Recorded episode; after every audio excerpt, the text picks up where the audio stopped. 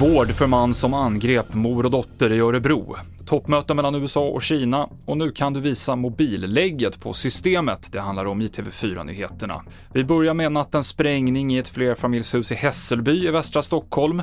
Flera grannar uppger för TV4-nyheterna att en odetonerad sprängladdning hittades i samma trapphus för en vecka sedan.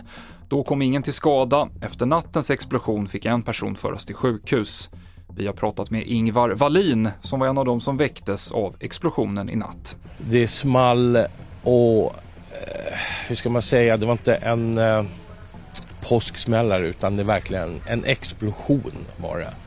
Och sen så kände jag hur hela sängen löfte upp lite. Hur får det dig att känna?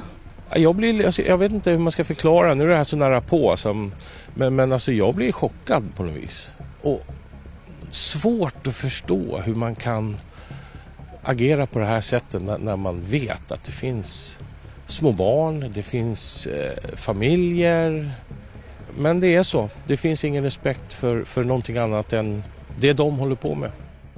Den 27-åriga man som dödade en kvinna i 50-årsåldern och skadade hennes dotter svårt döms till rättspsykiatrisk vård. Det var i februari som mannen gick till attack i trapphuset där mamman bodde i Örebro.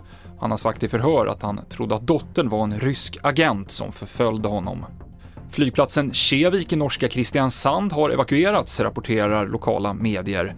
Passagerare och anställda har utrymts på grund av en säkerhetshändelse, säger flygplatschefen till tidningen Fäderlandsvännen. USAs utrikesminister Antony Blinken träffar idag Kinas president Xi Jinping i Peking. Det här Kina-besöket skulle blivit av i februari men sköts upp efter att en misstänkt kinesisk spionballong sköts ner över amerikansk mark. Relationerna mellan USA och Kina är sämre än på länge, men många hoppas nu på lite töväder. Och idag så lanserar BankID ett digitalt ID-kort i mobilen som kan användas istället för det fysiska kortet. För att aktivera det digitala ID-kortet krävs det ett giltigt pass eller nationellt ID-kort som skannas med hjälp av mobiltelefonen. Men körkort funkar inte. Mer om det nya kortet på tv4.se.